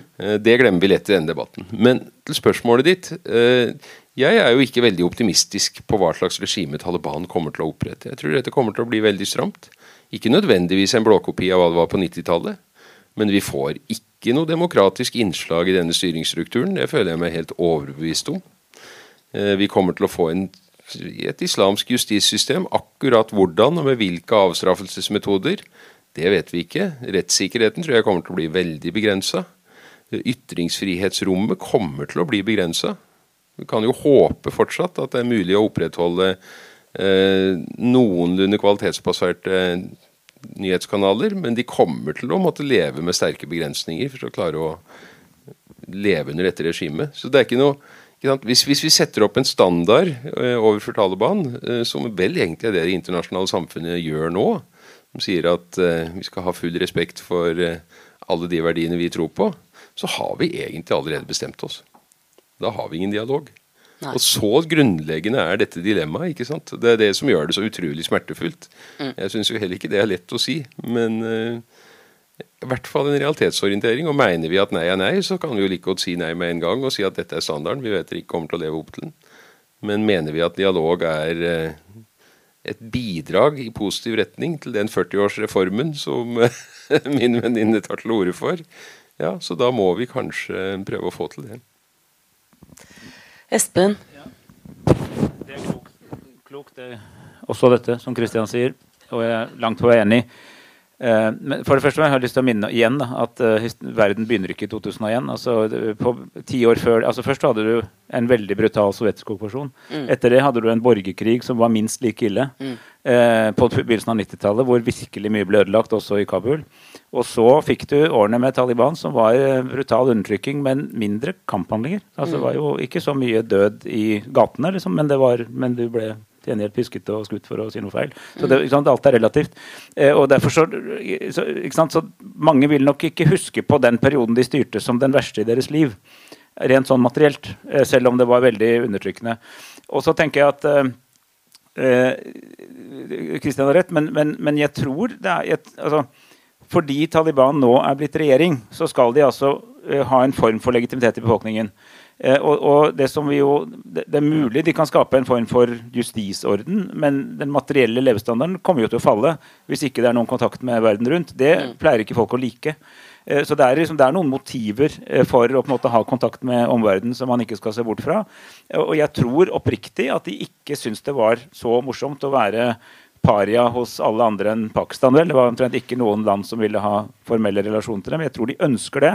Så vi har en viss inngang. Jeg bare tror Vi skal ikke overdrive den. Vi må sette standarden på et nivå som kan møte virkeligheten. Eh, ikke sant? Men den er ikke null.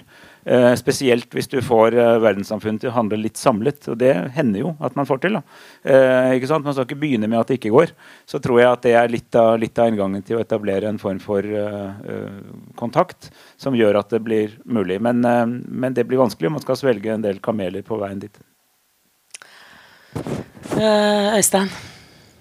Nei, Nå har jeg sagt veldig mye klokt her, og så skal ikke jeg ta på meg å bli politiker. Men jeg skal bare gjenta det jeg sa i stad. Jeg håper jo, som Espen sier, at man faktisk går sammen og prøver å, å, å, å presse på og prøve å få til noe. Prøve å være konstruktiv og prøve å hjelpe til at ting blir bedre. Som jeg sa i stad, vi, vi vi gjør nå bare som politikerne bestemmer, men vi har jo følelser for uh, Afghanistan. Det er mange, det er sikkert 10 000 uh, av mine kolleger som har varme følelser for det landet de har tjenestegjort i. Så mm. vi håper jo på det beste, men mm. frykter jo, som, som Christian var inne på, at det ikke akkurat går den veien. Mm. Takk så langt. Eh, vi strømmer altså dette mm, seminaret, så jeg må be dere reise dere, presentere dere og være veldig korte når dere stiller spørsmål. Dere får en mikrofon som blir desinfisert underveis. Eh, jeg må se noen hender her. Rolf?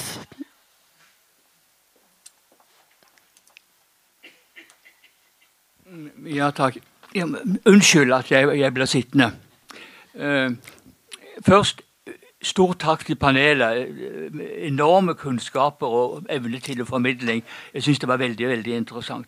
Jeg har to kommentarer med to spørsmål. ene går på fortiden, altså før Taliban flyttet inn i, i kontorene. Vi må være kortere. Ja, ja, jo, jeg forsøker så godt jeg kan. Ja, altså. Ok, Men jeg er litt usikker på det jeg hører fra enkelte om at man ikke visste hva man gikk inn i. For det burde jo være klart. Britene hadde vært der fra, fra 1800- og, og, og 30-årene. Eh, kjempet tre kriger i Afghanistan. Det er klart det skulle være mulig å lære noen av dem. Så er jeg litt forundret over i forlengelsen av dette man burde ha lært at skulle man forsøke å reformere, modernisere Afghanistan, så har alltid tradisjonen der vært. Kanskje regjeringen kontrollerer Kabul i hendigste fall, men alltid liten kontroll i de andre provinsene forekommer meg at når man gikk inn på eh, dette møtet i, i Bonn, så kom det en idé man skulle reformere hele staten. Der hadde man glemt en del forutsetninger. Så det siste punktet. Det er hva skjer nå? Og jeg er naturligvis helt enig i man bør etablere en eller annen form for kontakt med Taliban. For det synes jeg er det eneste naturlige å gjøre. Så må man være realistisk og se hvor langt man går. Her har jeg et, et lite poeng. Jeg har hørt det ble sagt at ingen kan eie en afghaner, men man kan leie dem. Og, og, og der vil jeg si altså, Man må jo ikke tro at man kan negosiere med Taliban uten at man smører dem ganske bra på forskjellige måter. Så Der har jeg altså et spørsmål til panelet. Burde ikke amerikanerne allerede nå begynne å forhandle med Taliban for å se om det vil være mulig å leie Bagram-basen tilbake igjen? Takk for det. Jeg ber dere være korte. Jeg tar med to spørsmål til, så går vi tilbake til panelet. Per Ditlev Simonsen og Rolf Willy Hansen. Ja, jeg har et uh, veldig enkelt spørsmål, litt uh, tilbakeskuende. Hvor ville verden, hvor ville Midtøsten vært i dag hvis ikke man hadde gått inn i Irak og ikke hadde gått inn i Afghanistan? Takk for det. Rolf Willy Hansen. Uh, tusen takk en veldig fin runde. Og bare litt om fremtiden her. Jeg ser vel kanskje for meg at du vil få et nytt Iran på mange måter i Afghanistan. At det blir enda et nytt prestestyre. og det vet vi jo mye om, og hvordan det fungerer. Og det må vi også forholde oss til. Og jeg vil jo bare støtte opp om alle de som tar til orde for at du på en måte må engasjere, og det er jo blitt litt av et slagord nå, Taliban i forhold til hva som skal skje fremover. Iallfall forholde oss til, til dem. Og der har jo Norge, som Espen og andre har sagt, holdt på i mange år allerede. Men det er vel den eneste farbare veien å gå, iallfall. Og så får vi se hvordan dette utvikler seg. Takk. Takk for det. Tar vi med Jakken, som var Nato-ambassadør under eh, 2001, eh, var det ikke det? Eh, jo. Ja, men jeg vil, jeg vil nødig få skylden for alt som skjedde. det skal du slippe! Der. altså, det, det, jeg er enig langt på vei i det som er sagt om at uh, man visste ikke hva man gjorde. Det er jo lettvint å si, og det er slående. Men eh, jeg tror nok veldig mange hadde en god peiling på at dette var en, en uh, utakknemlig oppgave å gå inn i Afghanistan. Og kjente begrensningene. Men det som, det som, jo skjedde, det var jo uh, For meg som etter hvert satt på avstand, det var jo en ganske betydelig og betraktelig mission creep som fant sted. Du hadde ikke det opprinnelige målet, som var relativt begrenset Eh, med Al Qaida, men etter hvert så ble det nasjonsbygging osv. Og, så og der tok man på seg oppgaver som internasjonalt samfunn ikke var enig på, iallfall ikke eh, Nato. Og eh, det var en betydelig sivil innsats, og den var, den var, god. Men det var ikke mulig å vinne frem med det med, med den historikk vi kjenner fra Afghanistan. Mission Creep ødela svært mye. Og, og, så er det en annen ting, og det er jo dette som også ble nevnt her, nemlig at, uh, nemlig at amerikanerne ha, ha, hadde som politikk, og har vel det for så vidt i, i, teorien fremdeles, at de snakker ikke med terrorister. Nå har jo det kanskje forandret seg akkurat i dette tilfellet, og de har hatt forhandlinger, men som ikke har ført frem. Dette med den amerikanske politikk på dette området har også ødelagt svært mye. Altså dette med dialog som ble utsatt, ikke igangsatt. Forsøk fra norsk side, forsøk fra andre lands side, bak ryggen på amerikanere, hist og her. Uten at det kunne virke gjennomtrengende. Det var ødeleggende, og det kostet mange, mange, mange år.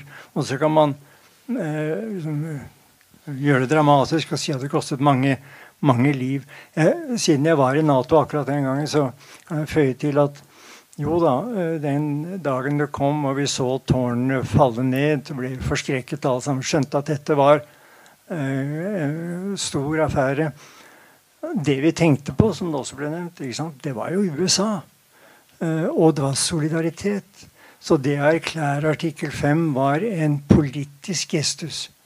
Det var jo ikke tanke på den gangen at man skulle liksom stille opp med våpen, gått i krig, mot Al Qaida. Det var ikke det som var tanken.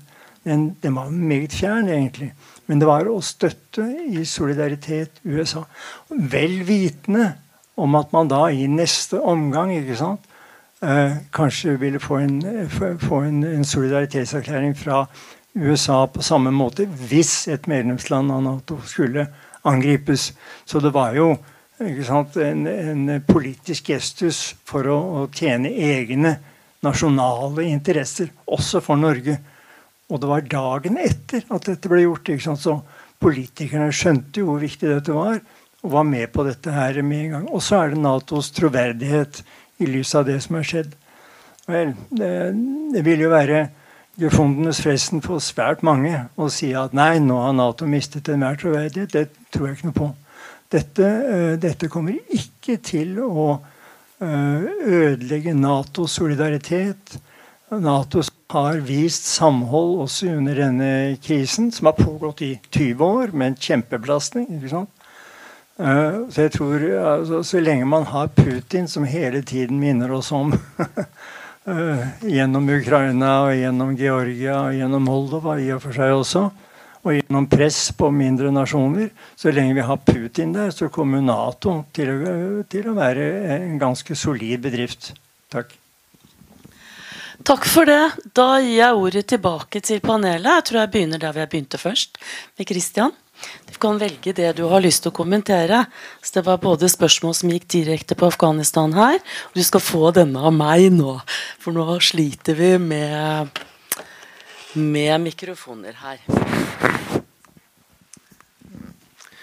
Ja, det var jo mye her, og mye av det var kommentarer som står eh, godt på egne bein. Så i og med at vi har bare et par minutter igjen, så tror jeg ikke jeg skal begynne å uh, gå videre på de kommentarene. Men uh, Berlitlof Simonsen, du spurte om hvor hadde Midtøsten vært. Det er jo for enkelt å si at Midtøsten er der den er i dag, bare som et resultat av internasjonale intervensjoner. Det er klart at det er mange drivere av konflikten i Midtøsten som ikke har så mye med de internasjonale intervensjonene å gjøre. Men det er tross alt slående at for 20 år siden så kunne du hoppe på en buss på nordvestspissen av eh, Nord-Afrika og kjøre hele veien vestover uten å være redd for din sikkerhet. I dag så er det kanskje i beste fall et par land igjen på hele den strekningen hvor det er forestillbart at du ville ta deg fram som eh, norsk med vanlig kollektivtransport uten å føle, fall uten å føle deg ganske engstelig. Det sier jo noe om hvor, hva utviklinga har vært i de, i de 20 åra. Jeg tror nok at intervensjonene både i Afghanistan og Irak Det er vanlig å snakke bare om Irak i den sammenheng, men jeg vil nok trekke fram begge to som bidragsytere til det. Og til den metastasizing av global terror som Joe Biden sjøl anerkjente i sin første tale etter at Taliban hadde inntatt Kabul, og som jeg snakka litt om tidligere. Så må du minne meg på spørsmålene. ja, vi har såpass liten tid. Det var noen som spurte om eh, USA ikke umiddelbart burde eh, gå i forhandlinger med Taliban. Eh, noen nevnte at vil, hvor ville verden vært om vi ikke hadde reagert på 11.9. Eh, og så var det noen kommentarer om hvordan man kan jobbe videre i Afghanistan nå. Er det på komiténivå, Afghanistan-komiteen, mm. bistandsarbeid? Og så var det en kommentar om Nato. Men vi har, er i ferd med å løpe ut av tiden, ja. så du må være kjapp. Ja. Nei, altså Vi ser jo at USA er i dialog. Når, sender, når man sender NSA-sjefen til Kabul, så er jo det for så vidt en dialog. Det er nok ganske sikkert primært en antiterrordialog, men vi har å gjøre med en, en etterretningssjef som har eh, relativt brei skolering, da, også utover det rent etterretningstekniske. så jeg tror nok det sto noen andre, andre saker på agendaen. Eh, men jeg tror jo at det er veldig langt fram før man kan forestille seg normale diplomatiske forbindelser med Afghanistan, og det er mange gode grunner til det. Men jeg er nok redd for at det faktum at man har brutt akkurat i denne fasen, det gjør det forferdelig mye vanskeligere å komme i, komme i gang igjen. og Det er grunnen til at jeg er såpass kritisk til det. Så mm. bistanden vil nok på kort sikt eh, i veldig stor grad gå gjennom eh, FN-apparatet mm. og gjennom eh, gjennom ikke non-governmental organizations. Det blir, det blir, veien å gå. Og På noen sektorer har det store konsekvenser. Helsesektoren drives av staten. Hvordan man skal klare å holde liv i den, det blir en utfordring. Utdanningssektoren er litt annerledes, men også tungt eh, Nei, altså motsatt. Mm, motsatt Helsesektoren eh, implementeres av eh, private aktører. Men på utdanningssektoren så er det staten som driver hele butikken. Så det vil mm. få helt forskjellig nedslagsfelt i de to, uh, i de to sektorene. Men, dette kommer til å bli alvor. Ok, Espen. Uh, du kan få et par spørsmål du vil kommentere. Jakken har jo helt rett i at det var en mission creep. Det var det som skjedde. Eh, man, og, og, det har veldig mye å gjøre, mener jeg, med at man hadde bestemt seg for at dette var the good war. Det var der vi sto sammen, det var der vi skulle, vi måtte lykkes. Og da fant man på en måte argumentasjon for det veldig velment, oppriktig velment. ikke sant? Man ønsket Afghanistan vel, man ønsket alliansen vel, men det ble en mission creep. det er åpenbart riktig. Og så var det litt om beslutningsprosesser. Et, et sånn minne fra, Dere satt da i Det nordatlantiske råd på tidlig kveld den 12., husker jeg. Ikke, og det husker jeg fordi at jeg var sammen med statsministeren i, i, oppe i NRK, for han skulle på Dagsrevyen og kunngjøre om vi støttet artikkel 5. Eh, og da drev jeg og maste på rettsavdelingen, ære dem, da, men de trengte litt mer tid, så vi kan ikke svare ennå. Så snakket jeg med produsenten og sa at statsministeren trenger ikke gå på for 13 over 7. Eh, og da sa jeg men da skal vi ha et svar. Fordi det er liksom ikke aktuelt at han sitter og ikke vet svaret på det.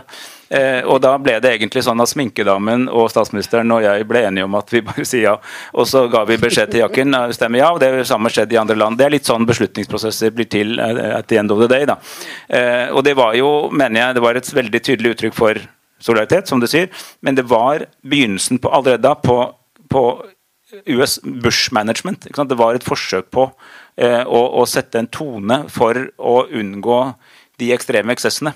Og Det er en veldig viktig del av den historien. og derfor så Rolf, Rolf sier jo selvfølgelig var det mange mennesker i både akademia og i Utenriksdepartementet og etterretningstjenester som visste en god del om Afghanistan. Det er jo ikke det at det var liksom null kunnskap. Eh, men det jeg mener å si er at de som tok den strategiske beslutningen om å ende opp der vi endte, for å si det sånn, gjorde ikke det primært basert på en dyp og gjennomgående Afghanistan-analyse. Det var basert på en uh, mer eller mindre dyp og gjennomgående Nato- og Vesten-analyse. og det hvis man ikke skjønner det, så skjønner man ikke helt hvordan vi kom inn der. Hvordan hadde Midtøsten vært? Det hadde sikkert vært et ganske komplisert sted uansett. Eh, men jeg er i hvert fall sikker på at historiene vil si at det ble betydelig mye verre med invasjonen i Irak. Og så er jo hele seminaret her et tema om hvordan det påvirket eh, når det gjelder Afghanistan. Men såpass tror jeg vi kan si politiske beslutningsprosesser i Wentz, my dear friend. Nei, jeg har bare lyst til å eh, kort kommentere det, dette med Nato og betydningen av Nato. Nato er verdens mektigste forsvarsallianse. Det er, en, det er en politisk allianse, det er en militær allianse. Militært så samarbeider vi med nære allierte innenfor Nato-alliansen hver dag oppe i nordområdene. Nord, Akola og alt, alt mulig. Så jeg er ikke for Jeg er ikke så bekymra for Nato. Og så har jeg bare lyst til å gjenta en gang til at jeg syns det var veldig siden jeg får kanskje får sist, nest, nest siste ordet, Kat, at dette var veldig veldig ålreit om et veldig alvorlig tema. Det er så viktig at vi minner oss om oppi, oppi alt dette at uh, her er det mange mennesker som har dødd. Det har vært mange mennesker som har lidd. Det er mange mennesker som har fått det bedre, og nå er det mange mennesker som kan få det verre igjen. Så det er et veldig alvorlig tema. Jeg er veldig glad for at dere setter det på dagsordenen. Tusen takk for de ordene, Øystein. Jeg tror vi alle kan være enig i de. Det er viktig å ha seriøse refleksjoner om en så lang eh, operasjon som har involvert så mange mennesker. Eh, og jeg er så glad for at dere takket ja til å komme hit i dag. Forskeren, politikeren og soldaten, ser om du er offiser, da. Gi dem en stor applaus.